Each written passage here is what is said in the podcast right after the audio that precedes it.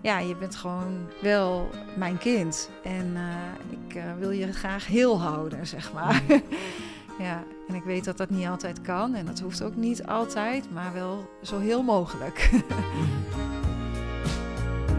Lieve schat, fijn dat jij vandaag met mij aan tafel wilt zitten. Ik zal eh, even tegen de luisteraar en de kijker vertellen wie jij bent. Want dit is Ennio, mijn zoon. Uh, en Ennio, jij voetbalt bij VVV Venlo op dit moment, klopt hè? Ja, dat klopt. Ja. En dan ben jij afgelopen zomer. Ja, en dan ben jij keeper. Ja. Ja. Hoe gaat het bij Venlo? Ja, gaat goed. Um, ja, het begon wat, wat moeilijker. Ik was daar gehaald en ze zeiden tegen me, nou, je moet het uitvechten met de andere keeper toen in het begin op de bank beland. Maar ja, na een aantal wedstrijden raakte hij geblesseerd. En toen kwam ik erin en toen heb ik mijn kans gepakt. En uh, ja, nu sta ik er nog steeds in. Ja, en we zijn natuurlijk allemaal super blij dat jij nu de eerste keeper bent. Hè? Ja, maar ik vind het ook wel heel spannend hoor. ik, uh, ik vind het super leuk dat je, en ik gun het je ontzettend. Ik vind het heel fijn dat jij uh, je droom achterna gaat en dat jij de kans krijgt om te laten zien wat je kunt.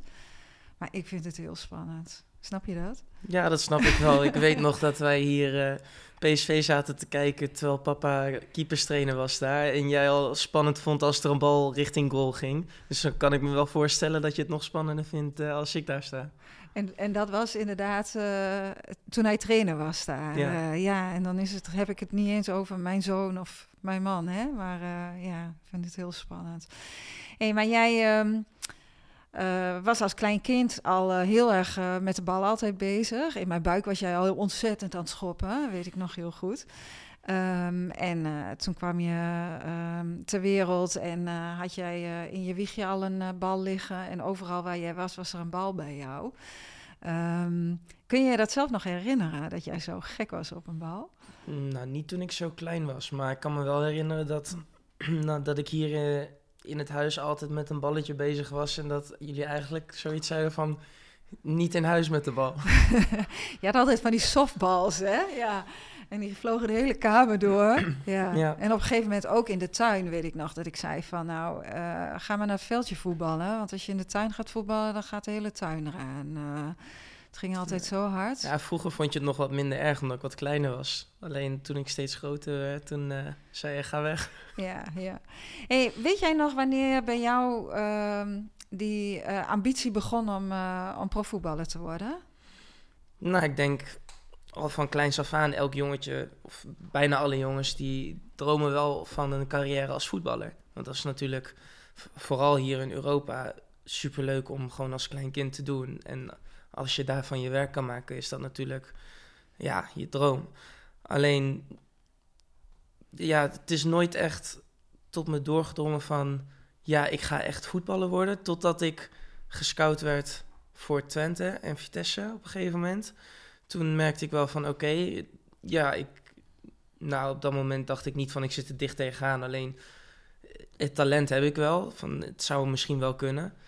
En um, ja, toen ik uiteindelijk de keuze heb gemaakt om echt naar een profclub te gaan, toen ze hem ook wilden hebben, toen is het wel ja, in mijn hoofd gaan, gaan spelen van oké, nu ga ik wel echt, uh, echt voor om profvoetballer te worden. Ja, leuk hè? Ja. En, maar um, ik weet nog heel goed uh, dat jij gescout werd door uh, Vitesse en, en Twente. Toen was je tien volgens mij hè? Ja, zoiets. Leeftijd weet ik niet precies. Wat weet je daar zelf nog van? Kun je dat nog herinneren? Uh, wat ik me kan herinneren is dat je bij Twente, um, toen zat ik in de E1. Nee, dat was in de F'jes zelfs. F1. Um, toen werden we, werd ik met een paar andere jongens uit mijn team gescout. Want waar zat je? In de bij SV bij, Schalkhaas uh, zat ik toen. Bij Schalkhaas ja. jij toen? Dat, ja, oké, okay, die en periode toen, heb je het over. Ja, toen was ik nog middenvelder. En toen werd ik gescout als speler. En toen hadden we, volgens mij, als ik het goed heb, elke week op woensdag een selectietraining. Met allemaal jongens die dan geselecteerd waren door Twente. En dan had je een aantal uh, selectierondes. En dan na elke ronde kreeg je dan een brief met, nou, je bent door naar de ronde of je was afgevallen. En toen um, moest ik een keer op een training keepen. Omdat uh, de keeper die was ziek of die was uitgevallen. Dat weet ik niet precies meer. En toen zeiden ze van, nou, als keeper willen we je wel hebben... Alleen als, uh, als speler vind je net niet goed genoeg. En toen hebben jullie tegen mij gezegd van... Nou, als je ehm, echt nog in jeugd wil hebben, gewoon met je vrienden wil voetballen, dan moet je dat gewoon nu nog doen. En papa die heeft altijd tegen me gezegd, als je echt goed genoeg bent, dan komen ze later wel nog een keer terug. Ja, precies dat, hè? En toen heb ik dus de keuze gemaakt om ja, nog gewoon bij een amateurclub te voetballen. Want ik wilde ook nog niet gaan keepen. Ik vond het, ja, veldspel vond ik nog te leuk daarvoor. En toen heb ik nog, uh, nog hier bij de, bij de amateurs gevoetbald. Maar ik kan me herinneren dat jij wel uh, gekozen hebt in eerste instantie om naar Vitesse te gaan. Je wilde eigenlijk best wel heel graag. Klopt. Toen heb ik ook bij, in diezelfde periode bij Vitesse stage gelopen, ook als speler. En af en toe op training ook als keeper. En toen uh, zeiden ze van ja, we willen je hebben. Toen met de afspraak van dat ik een beetje een combi was, speler en keeper, kan ik me nog herinneren.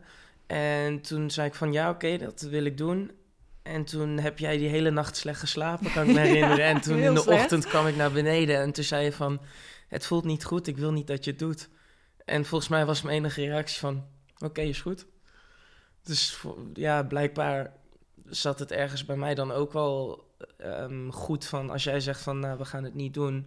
Dat ik er verder uh, geen twijfels over had. Maar hoe kijk jij daar nu op terug? Dat wij dat toen zo besloten hebben? Want dat hebben we natuurlijk papa en ik en jij samen hebben dat zo besloten. Nou, achteraf ben ik er heel blij mee. Want daardoor heb ik dus nog langer met gewoon echt mijn vrienden kunnen voetballen bij, uh, bij mijn amateurclub, bij Schalkaar. En het was niet zo dat wij uh, kelderklassen speelden of zo. We speelden ook best op hoog niveau. We speelden um, in de D1 en in de C1 speelden we ook tegen Twente. Dus uh, qua niveau was dat niet eens heel slecht. Alleen het is natuurlijk wel een hele andere beleving bij amateurclub of profclub. Um, maar ja, ik ben achteraf heel blij mee geweest, omdat, en nog steeds, omdat ik daardoor um, ook de eerste twee jaar van de middelbare school hier in de, uh, Deventer heb uh, gezeten. En daardoor heb ik daar ook nog een hele hechte vriendengroep aan overgehouden. Ja, dat, dat vond ik heel erg belangrijk. Dat je gewoon een, ja, normaal, voor zover je van normaal kan spreken, maar redelijk normale jeugd uh, had. Hè? En dat je gewoon lekker met vrienden kon spelen en met ja, vrienden kon afspreken. Dan, dan, was ik al op de basisschool, ik denk al groep 6 of groep 7, was ik al dan naar, uh, op dat moment dan naar Vitesse gegaan. En ja, daar had ik nooit de jongens leren kennen die ik nu in die eerste twee jaar daar heb leren kennen. En dan denk ik niet dat ik hier in de buurt verder nog, uh, nog vrienden in mijn omgeving zou hebben, omdat ik ja, van de basisschool heb ik verder ook niet echt contact meer met iemand. Maar van de middelbare school, dat zijn wel echt mijn beste vrienden geworden. Ja, hey, en hoe zie jij dat uh, bij jouw uh, collega's nu? Uh, want ik denk dat heel veel jongens eh, vrij jong al in het traject zijn gekomen. Hè? Eerder ja. dan jij, de meeste. Klopt. Niet, niet allemaal, toen, maar de meeste denk ehm, ik wel. Toen ik bij Twente kwam, kwam ik in een team met jongens die daar eigenlijk al vanaf het begin, begin bij zaten. En ehm, ja, wat ik van heel veel jongens hoorde was dat ze, ja, als ze naar huis gingen, dat ze daar niet heel veel mensen in hun omgeving hadden waar ze dan nog dingen mee deden. En was het eigenlijk alleen maar de jongens van de voetbal waar ze mee omgingen. Alleen iedereen die woonde uh, best wel verspreid over het land. Dus ja, als je dan naar huis gaat, dan is het moeilijk om als klein jongetje dan daar nog mee af te spreken. Ja, precies. Want je hebt geen vervoer natuurlijk. En nee, uh, nee dan ben je altijd afhankelijk van je ouders. Ja, uh, en het was natuurlijk ook zo. Als je wat verder weg woonde, dan maakte je hele lange dagen. Werd je in de ochtend opgehaald door een busje, ging je naar school. Na je schooldag ging je trainen en dan werd je door het busje weer teruggebracht. En dan was je ja, rond etenstijd, uh, als je een beetje in de buurt woonde, was je rond etenstijd weer, weer thuis. En dan voor hetzelfde geld moet je nog huiswerk maken ja, dan heb je ook niet echt veel tijd meer om andere dingen te doen. Nee. Hey, weet jij nog dat jij best wel heel klein was toen jij uh, bij Twente uh, kwam? Ja, dat, dat, weet ik nog heel goed. Ik weet nog dat ik een foto zag van, uh, van het team dat bij elkaar stond. En ik was een van de kleinste. En ik was een keeper. Ik dacht, daar gaat iets niet goed. en toen? Ja, toen ben ik in, in een jaar tijd 12 centimeter gegroeid. Dat is heel veel, hè? Ja. ja dat, ik weet nog dat jij daar best wel heel veel last van hebt gehad. En um, je had best wel wat pijn, hè? Dat Slatter heet dat, hè? Als ja. je die groeipijnen hebt. Ja, en, pijn uh, onder je knie. Pijn onder de knie. En uh, ja, dan lag je in bed en dan had je ook pijn aan je knie. Vond ik zo zielig vaak. Dan dacht ik van, oh, je hebt nu echt het gevoel dat je moet groeien, maar dan gaat het veel te hard. Ja. Denk jij dat je ehm, die groeispurt die jij toen gemaakt hebt, die had je heel hard nodig voor de plek in het veld, hè, die jij. Uh, ja, zeker. Uh, denk jij dat dat daarmee te maken heeft gehad? Dat je toen in één keer zo hard ging groeien? Dat, je, dat het mentaal ook nog wat doorgewerkt heeft? Ik denk het wel, want we hebben daar toen ook vaker gesprekken over gehad. Dat ik ja, ik heb gewoon een hele fijne jeugd gehad. En ik wilde altijd dat het zo zou blijven. En dat ik mezelf op die manier een beetje klein heb gebleven. Want als je kijkt naar jou en naar papa, zou het nooit in mijn genen zijn om klein te blijven, denk ik. Dus ja, het zat er wel een keer aan te komen. Alleen het duurde gewoon wat langer bij mij. En dat, ik denk dat dat wel um, ja, een rol heeft gespeeld. Dat ik zelf op die manier dacht van, nou, ik wil het liefst zo houden. Alleen toen ging ik dus uh, als keeper naar Twente. En ja, dan heb je die lengte wel nodig. En toen, uh, toen zei ik wel tegen mezelf: oké, ja. het moet nu wel een keer gebeuren. Ja, en daarvoor, en dat weet ik, had jij tegen jezelf, maar ook tegen ons regelmatig gezegd als je in bed lag oh, ik vind mijn leven eigenlijk gewoon perfect zoals het nu is. Dus het moet gewoon zo blijven. dat kan ik me nog herinneren, ja. ja, en wat je dan denk ik, maar dat ja, vul ik in, maar ik denk dat dat wel gedeeltelijk zo werkt. Je mentaal jezelf op dat punt houdt. En jouw ja, lijf misschien ook wel, hè? Dat het niet meer ging groeien. Ik kan me nog herinneren dat ik 1,65 was toen ik naar Twente ging. Oh, serieus? Ja. dat je dat nog weet. Ja, ja goed hoor. Maar nou ja, goed, je hebt het ingehaald, hè? Ja, zeker. Je bent net zo lang als papa. Ja, en, uh, en net zo sterk. En ook net zo'n goede keeper, of... Uh... Dat uh, komt eraan. dat komt eraan, ja. ja. Hey, um, maar ik wil nog even een stapje terug. Want voordat jij naar Twente ging... heb jij ook een tijdje training gehad van, van papa. Ehm, drie jaar lang, als ik het goed heb, als ik me goed kan herinneren. Um, hoe heb jij dat ervaren? Ja, dat heb ik als heel fijn ervaren. Want ik merkte, ja, niet om respectloos te zijn naar de andere trainers daar, alleen, ja, dat was niet op het niveau van papa. En um, ja, ik merkte gewoon dat ik in heel veel opzichten van papa kan leren en dat kan ik nog steeds. En um, ja, de andere jongens in mijn team, die, die merkten dat ook toen ze training van hem kregen. En ik denk ook omdat papa natuurlijk best wel een, status heeft als, als voetballer, dat je um, als jonge jongen daar dan tegenop kijkt en sneller dingen aanneemt. Dus ik denk dat dat, ja, daar heb ik wel heel veel aan gehad. En ik denk ook mijn teamgenoten van toen. Ja, dat denk ik ook. Maar hoe heb jij het ervaren dat jouw vader uh, ook jouw trainer was? Nou, als ik op het veld stond, dan was hij gewoon mijn trainer. Dan was hij niet mijn vader. En ik sprak hem ook aan met trainer. Net zoals alle andere jongens. En was hij dan ook extra streng voor jou of niet? Nee, hij behandelde me gewoon hetzelfde als de rest. Ja, ja. Ja, want dat is iets wat wij in het verleden, en dat weet jij, dat hebben we wel vaker gezien als vaders uh, kinderen gaan trainen. Dat ze hè, uh, of een kind gaan voortrekken, of juist extra streng zijn tegen hun kind. En uh, ja, dat, dat, dat is natuurlijk denk ik niet de bedoeling. Volgens mij word je daar geen betere voetballer van, of wel? Nee, juist Hoe niet. Hoe zie jij dat? Ik denk als je je kind gaat voortrekken, dan ja, moet hij wat minder vechten voor zijn plekje, denk ik. Misschien kan het juist ervoor zorgen dat hij wat minder competitief wordt. En ja, als je hem juist onderaan de ladder zet, denk ik dat je ja, je eigen kind tekort doet. En ja, ik zou zelf denken van waar ben ik mee bezig en waar ben jij mee bezig? ja, ja, ja. Ja, dan zou ik echt denken, ik, ik, ik ben je kind, wat ben je aan het doen? ja, ja, je bent altijd het kind van, hè? Je bent altijd zijn kind. Alleen op het veld is hij jouw trainer. Maar je kan dat kind zijn van hem natuurlijk niet uitschakelen. En hij kan zijn vaderschap niet uitschakelen. Nee, klopt. Maar ook als um, een andere trainer mij helemaal onderaan de ladder zou zetten... hem anders zou behandelen dan de andere jongens... zou ik ook denken van, wat ben je aan het doen? Ja, snap ik. Ja, ja. En um, nou, dan gaan we even weer naar Twente, want toen moest jij ook naar een andere school. Um, kun, je, kun jij aan de mensen vertellen hoe dat voor jou was? Nou, ten eerste, ik had al niet hele goede verhalen gehoord over de school. Ik weet niet meer precies wat het was, maar de school had ook in bepaalde kranten gestaan dat het geen goede reputatie had. Dus ik kwam daar op school en uh, ja, het was één groot chaos. Um, ik weet nog dat ik in één, ehm, ja, in één proefwerkweek is twaalf keer het brandalarm vals afgegaan. Dat de jongens of meiden, ik weet niet wie het waren, maar uh, ja, gewoon dat ze tijdens een toets uh, dachten van, oh hij ging niet goed, ik lever hem eerder in. En gingen ze weg en dan liet ze het brandalarm afgaan en dan moest iedereen naar buiten en dan moest de, de toets opnieuw gemaakt worden. En dat was in één proefwerkperiode was dat uh, twaalf keer gebeurd. Ja, dat is wel heel vervelend. Ja, op een gegeven moment bleef iedereen ook gewoon zitten, want iedereen dacht van ja, niemand nam het meer serieus. Nee. Maar je hebt uiteindelijk wel je school daar afgemaakt. Uh, ja. Vanaf de derde VWO zat je, ja, geloof ik, daar, hè? drie, vier, vijf, zes. Die, die jaren heb ik daar uh, gezeten. En derde jaar was nog HAVO-VWO, omdat ze daar geen aparte VWO-klasse hadden in de onderbouw. En toen van 4, 5, 6 hadden ze wel uh, VWO-klassen. Maar dat was ook nog wel even een strijd af en toe. Want uh, ja, de school die ik hier in, in Deventer uh, heb meegemaakt, was gewoon alles goed geregeld. Bijna nooit uitval. En ja, was voor mijn gevoel gewoon, waren goede lessen, waar goed les werd gegeven.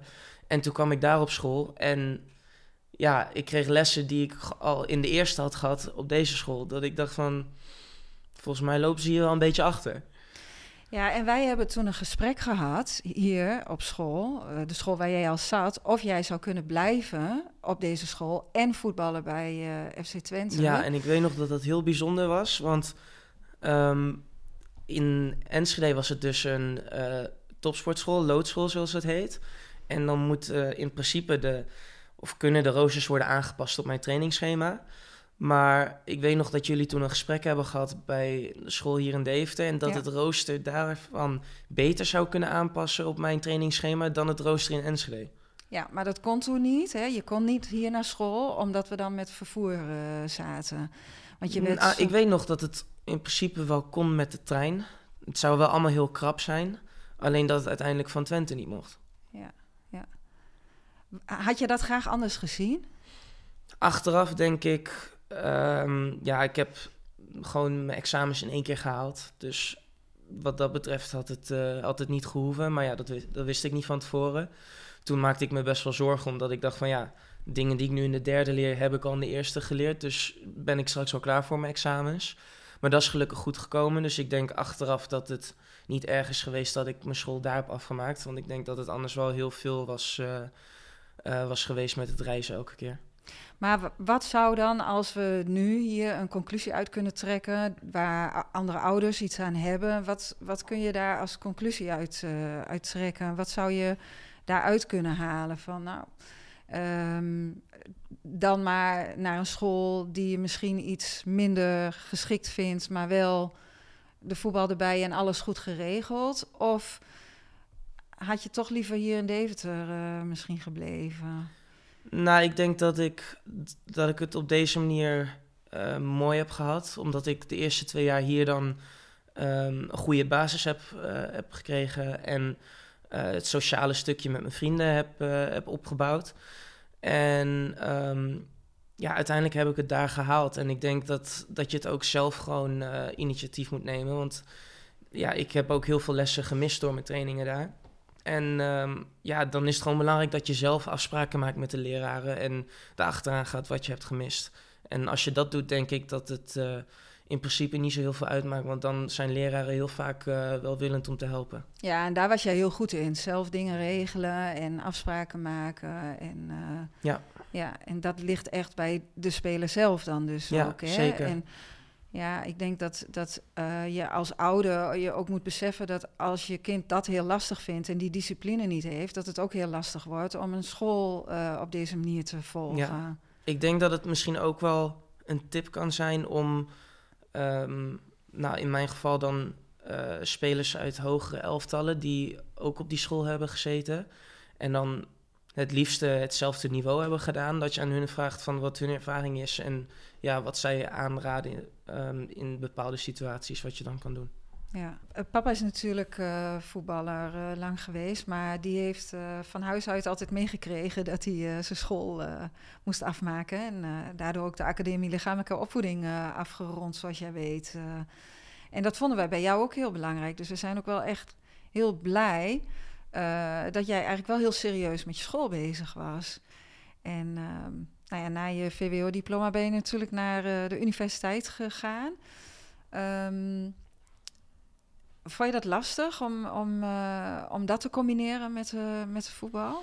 Um, ik denk mijn eerste periode moest ik even mijn draai vinden. Maar toen ik eenmaal mijn draai had gevonden, toen, toen ja, ging het eigenlijk best makkelijk. Af en toe was het wel even doorbijten. Had ik niet de motivatie om na mijn trainingen nog te gaan studeren. Ook lang niet altijd gedaan. Nee, want je kwam ook vaak moe thuis. Hè? Ja, ja. maar um, ja, net zoals met, uh, op de middelbare, als ik zelf gewoon goed overlegde met, uh, met uh, ja, nu waren het dan geen uh, docenten, maar professoren. als ik daar gewoon goed mee overlegde, dan was er van alles mogelijk. Um, ik hoefde bij verplichte colleges dan bijvoorbeeld niet aanwezig te zijn, zolang ik maar gewoon wel um, huiswerkopdrachten met deadlines op tijd inleverde.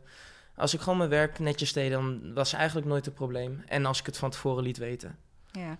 Hey, wat, wat denk jij, uh, Ennio, wat het uh, verschil is tussen uh, de jongens die wel uiteindelijk um, een contract in het betaalde voetbal krijgen en niet? als je talent gewoon daar is. Hè? Want dat, dat heb je sowieso natuurlijk nodig. Hè? Je hebt talent nodig.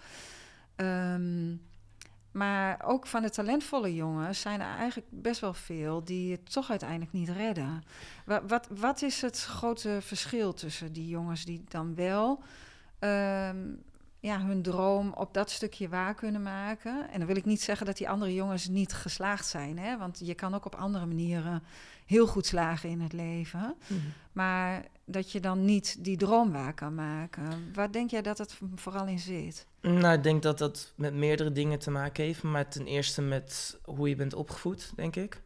Ehm, ja, je, je krijgt bijvoorbeeld bepaalde dingen zoals discipline, dat soort dingen krijg je van huis uit mee of niet. En als je dat niet vanuit huis uit meekrijgt, dan is het nog maar de vraag of je dat op latere leeftijd, bijvoorbeeld door iemand binnen de club, die je dan, dan bijvoorbeeld mee aan het werk gaat, of je dat dan wel oppakt, of dat je gewoon, gewoon koppig je eigen ding blijft doen. Uh, maar ook gewoon je omgeving qua vrienden is, hebben daar ook heel veel invloed op, denk ik. Want um, ja, ik heb dan een vriendengroep aan mijn VWO-klas overgehouden. Um, en ik merkte toen ik klaar was met VWO, ja, al mijn vrienden gingen studeren. Dus als ik alleen maar voetbal zou doen en daarna ga ik naar huis, ja, als ik dan de hele dag ga Netflixen, dan ga ik me ook vervelen. En um, ja, ik heb ook vanuit jullie meegekregen dat het gewoon belangrijk is om je ook op andere vlakken te ontwikkelen. Dus ik vond het zelf ook belangrijk dat ik nog door ging studeren. En ik denk dat het ook heel belangrijk is dat ik dat meteen uh, achteraan heb gedaan en geen tussenjaar heb genomen. Want ik merk nu ben ik klaar met mijn studie. En um, ja, nu heb ik dan eventjes niet zoveel qua school, dan wel een cursus Spaans, maar geen echte universiteitsopleiding of iets. Merk ik dat die motivatie wel uh, minder is geworden. En als je dan een tussenjaar hebt, dan wordt het ja, wel moeilijk om dat op te pakken, denk ik. En ja, voor mij was universiteit een stukje voor um, ja, mezelf ontwikkelen, maar ook weer nog steeds een stukje sociaal. Ja, en dat sociale is denk ik heel belangrijk, hè? Ja, zeker. Want je moet naast je voetbal ook gewoon um, ja, iets anders hebben. Want je moet niet de hele tijd in die voetbalbubbel blijven, vind ik. Want je moet gewoon af en toe afleiding kunnen hebben. En uh, de ene doet dat met zijn familie, de andere doet dat met vrienden. Um, ja, ik heb een hele goede band met, met jullie en met mijn zussen. Dus dat is heel fijn. Maar ja, mijn vrienden zijn daarin ook heel belangrijk voor mij. Want ja, als ik uh, alleen maar thuis zit te hangen, dan word ik op een gegeven moment gek van jullie. Jullie worden gek van mij. uh, dus ja, mijn vrienden heb ik ook wel, uh, wel nodig. En ik denk dat je daar ook andere dingen mee bespreekt. En heb je een hele andere humor mee, denk ik. Ja. En ja, dat is gewoon voor mij heel belangrijk. Ja, ik, ik denk, uh, hè, ik zie aan jou hoe belangrijk dat is. En ik ben ook wel heel erg dankbaar voor dat je die band hebt kunnen uh, onderhouden met, met die jongens. Want ja, dat brengt jou heel veel in mijn optiek. Uh. Ja, en ik ben heel blij en dankbaar hoe jullie dat ook hebben gedaan met mij. Want um, ja, jullie hebben altijd tegen mij gezegd van als het kan, ga wat met je vrienden doen. Niet de dag van tevoren dat ik dan uit moet gaan of zo. Maar als ik uh, bijvoorbeeld een dag vrij had en eh, ik kon met vrienden afspreken, dan moedigden jullie mij juist aan om dat te doen. In plaats van dat jullie zeggen van nee, je moet uh, rusten voor je training van morgen. Dan jullie, jullie wisten dat ik dat nodig had. En ja, jullie steunden me daarin. En ja, waar nodig corrigeerden jullie me. Was volgens mij niet heel veel nodig. Klopt. um, nee. Want je moet, je moet gewoon weten wat wel en niet kan. Bijvoorbeeld een dag voor de wedstrijd uitgaan, ja, dat is gewoon niet slim. Want ja, daar ga je geen goede wedstrijd op spelen. En stel dat gebeurt wel een keer. Ja, dat is dan niet een, een succesformule om de volgende keer weer een goede wedstrijd te spelen. Want dat gaat je een keer opbreken, denk ik. Maar um, ja, ik denk dat dat voor mij heel belangrijk was dat jullie me daarin uh, steunden. Want af en toe had ik zoiets van, ja, moet ik dit wel doen? Um, want ik ben wel moe. En dan zei jij bijvoorbeeld tegen me, nou, waar heb je zin in? Luister goed naar je gevoel. En als ik dan echt te moe was, nou, dan blijf ik gewoon thuis. En als ik niet te moe was, dan ging ik met vrienden afspreken. En soms denk ik ook van, nou, ik heb juist zin om met die jongens af te spreken, want daar krijg ik energie van. Ja, precies. Dat is ook belangrijk dat je hè, leuke dingen doet. Dat je niet alleen maar, uh, wat jij al aangeeft, in die, in die voetbalbubbel zit. Ik denk dat wij dat heel belangrijk vinden in dit gezin. Um, niet alleen maar uh, voetbal, er is zoveel meer, hè? Ja. Zeker. En, en daarom heb jij ook op verschillende sporten gezeten en um, heb je je school gedaan. En, en speel piano. Speel je piano, ja, waar je, wat je ook heel erg uh, goed kan. En, en ja. wat wij ook ontzettend leuk vinden, waar ik altijd ontzettend van geniet, als ja. je piano speelt. oefenen vond ik vroeger nooit heel leuk. Vaak genoeg gezegd van ja, ik wilde ermee stoppen.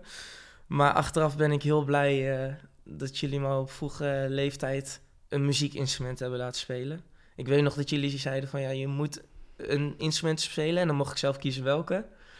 En nou, ik denk als ik het echt niet leuk had gevonden, dat jullie het prima hadden gevonden als ik ermee was gestopt. Maar achteraf ben ik er heel blij mee dat, uh, dat ik daar les in heb gehad. En nu nog steeds les. Ja. Zijn er dingen um, die wij als ouders, papa en ik, uh, in jouw optiek um, anders hadden kunnen doen, waardoor dingen voor jou beter waren gelopen in dit proces? Um, nou, als ik er zo aan terugdenk, hebben jullie me heel goed gesteund en beschermd waar nodig. Dus ik denk wat dat betreft dat jullie voor mij uh, een uh, hele goede, ja, een hele goede weg voor mij hebben klaargemaakt om te bewandelen, zeg maar. En dan moet je hem natuurlijk zelf bewandelen. Misschien als ik, als ik eraan terugdenk, af en toe, ja, me iets meer mijn eigen fouten laten maken. In ja, die, van... dat is een moeilijke. Ja, ja snap ik. Um, en ik, ik neem ook aan van uh, dingen van jullie aan als jullie zeggen van, nou, dit is mijn ervaring en dat gaat niet goed. Maar soms is het ook belangrijk dat ik het zelf ervaar. En misschien dat ik daarin wat dingetjes uh, iets meer ja, vrijheid in had kunnen hebben. Maar aan de andere kant denk ik ook van, daarmee hebben jullie me ook beschermd met bepaalde dingen. En dat is ook wel fijn. Dus ja, ik, ik zou niet zeggen van ja, jullie hadden iets anders moeten doen. Je had iets anders kunnen doen, maar wat mij betreft was het allemaal prima zo. Nou, dat vind ik fijn om te horen.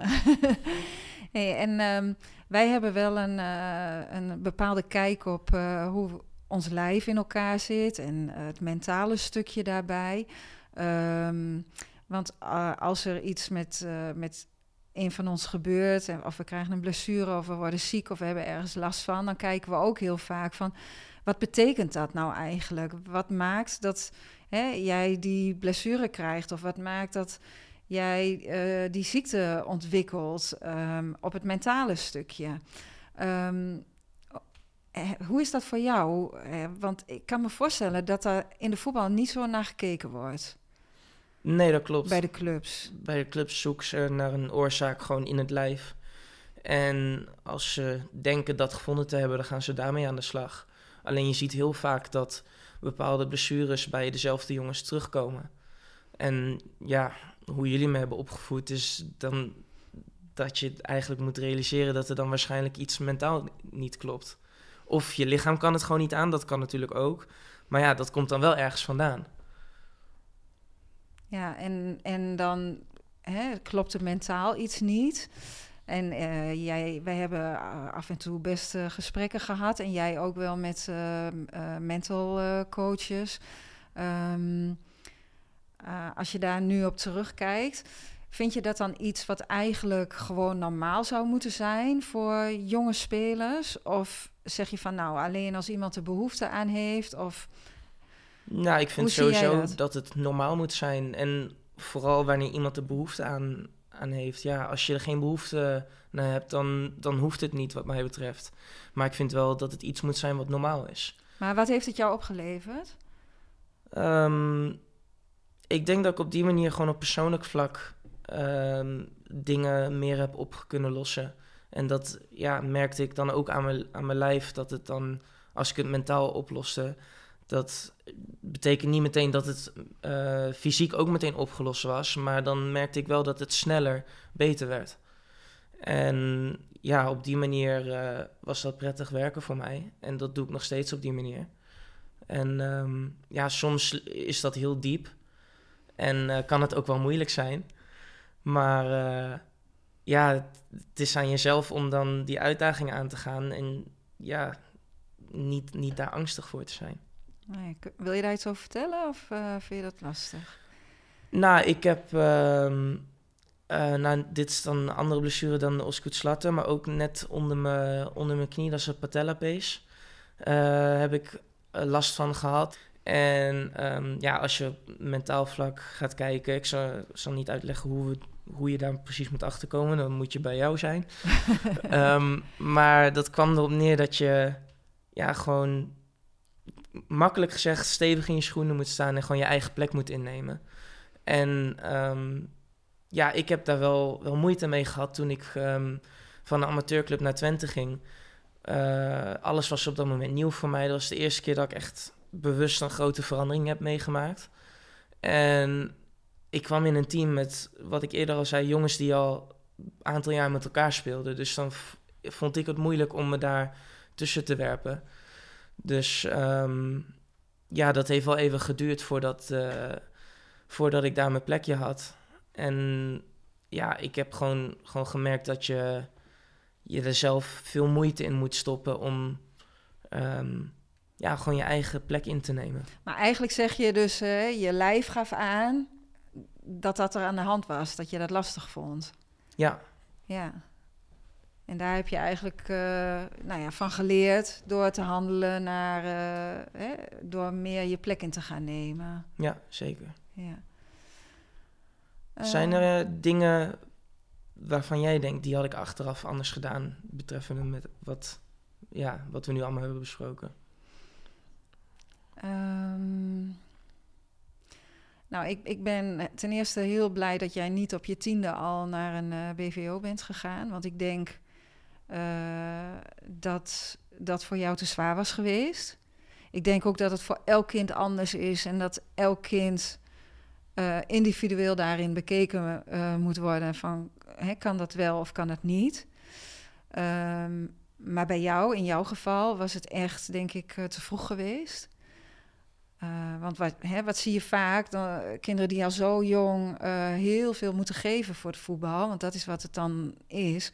Die zijn op hun uh, 16e, 17e voetbalmoe. Die, die hebben er dan geen zin meer in. Klopt. Hè, dan komt dat puber, de puberhormonen en, en dan, ja, dan, dan willen ze ook een gewoon leven met uitgaan en vrienden. En, en vaak vinden ze dan voetbal ook niet eens meer leuk. Nee, dat heb jij ook ervaren hè? In, je, in je teams, ja.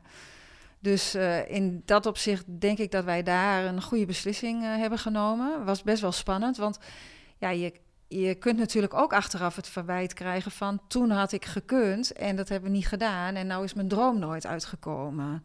Dus dat is best wel lastig. Uh, maar het voelde voor mij gewoon van geen kant goed dat jij uh, op je tiende al naar een BVO zou gaan. Dus dat hebben we gelukkig niet gedaan. Hoe voelde dat dan vier jaar later? Toen, toen, klo toen klopte het. Toen klopte het. Wat ik wel heel spannend vond toen, was dat jij ging keepen. Uh, omdat jij best wel een heftige ervaring had gehad met het keepen en een hoofdwond had opgelopen. Gelukkig hebben we die eh, angst hè, heb jij met een psycholoog met, met, met een paar sessies weg kunnen halen. Ik denk dat dat voor jou heel fijn was, of niet, om dat te ja, doen? Ja, zeker. Ja. Um, en ik weet ook nog dat jij, dat wij in het begin vonden dat je met een helm op moest kiepen. Mm. Om je hersenen te beschermen. Ja. ja. Uh, dat en heb ik toen ook gedaan. Dat heb je toen ook gedaan, ja. En, maar op een gegeven moment was jij daar ook klaar mee. Toen was je ook gewoon volgens mij zo gegroeid in uh, hè, wie jij was en uh, dat je er gewoon kon staan, dat je die bescherming niet meer nodig had. Ja. Zeg ik dat goed? Ja, zeker. Op een gegeven moment dacht ik van, nou, maakt me niet meer uit of ik dat ding op heb of niet. Want in het begin vond ik het nog wel spannend en ja, het gaf me bescherming, maar het was denk ik meer mentaal iets. En toen, um, even denken, in de onder 17 heb ik hem eraf gedaan. Toen begin van het seizoen, toen dacht ik van, ik wil hem helemaal niet meer op. Nee, en dat was dan gelijk ook, weet je, het teken van, oké, je bent gewoon helemaal er klaar voor. En je bent ook gewoon helemaal keeper dan op dat moment. ja. ja. ja ja, dus, maar dat vond ik wel heel spannend. En ja, ik, ik blijf het gewoon spannend vinden in uh, wedstrijden. Maar dat zal in trainingen ook zo zijn en die zie ik gelukkig niet. Um, ja, er was vroeger een liedje, en dat kennen jullie niet meer, maar dat was Boudewijn de Groot. En die zong toen, als hij maar geen voetballer wordt, want ze schoppen hem misschien wel half dood. Nou ja, als er weer zo'n clash is, dan gaat altijd dat zinnetje door mijn hoofd. En ja, dat, dat vind ik dan wel... Uh, ja, je bent gewoon wel mijn kind. En uh, ik uh, wil je graag heel houden, zeg maar. Mm. ja, en ik weet dat dat niet altijd kan. En dat hoeft ook niet altijd, maar wel zo heel mogelijk. mm. ja. Maak je je dan ook heel erg zorgen als ik in het veld sta? Uh, maak ik me heel erg zorgen? Nou, nee, ik, ik vind het spannend. Ten eerste wil ik heel graag dat je het goed doet. En ten tweede wil ik dat je, of misschien andersom, ten eerste misschien dat je heel van het veld afkomt. En ten tweede dat je het goed doet. Um, ja, en die spanning voel ik. Ja, die voel ik zeker in de wedstrijd wel. Ja. En dat is dan met wedstrijden, maar heb je ook um, zorgen gemaakt in al deze afgelopen jaren qua school, qua persoonlijk vlak, qua sociaal, dat soort dingen? Nee, het enige moment waar, uh, wat ik me echt goed kan herinneren, waarop ik dacht van, zijn we goed bezig, was toen jij een half jaar bij FC Twente zat. Toen was je 14. En uh, toen had ik, hadden wij niet de gezellige, leuke Ennio in huis die we kenden.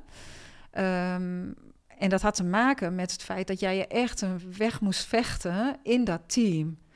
Hè? En um, uh, toen heb ik ook aan jou gevraagd, volgens mij, als ik me nog goed kan herinneren, van weet je zeker dat je hiermee door wilt gaan? Hè, ik bedoel, je hebt ervoor gekozen om naar Twente te gaan, maar je kan elke dag een andere keuze maken. Je kan elke dag zeggen van, nee, ik, ik heb hier geen zin meer in, ik doe het niet meer. En toen uh, zei jij uh, van, ik ga erover slapen. En een uh, paar dagen later kwam je bij me en zei je... nou, maar ik weet zeker dat ik door wil gaan. Kun je je dat nog herinneren? Um, ik kan me wel herinneren dat we dat gesprek hebben gehad... maar niet dat ik uh, zo later mee terug ben gekomen. Ja, ja, het heeft een paar dagen geduurd en uh, die tijd heb ik je ook gegeven. En toen wist je wel zeker dat je door wilde gaan.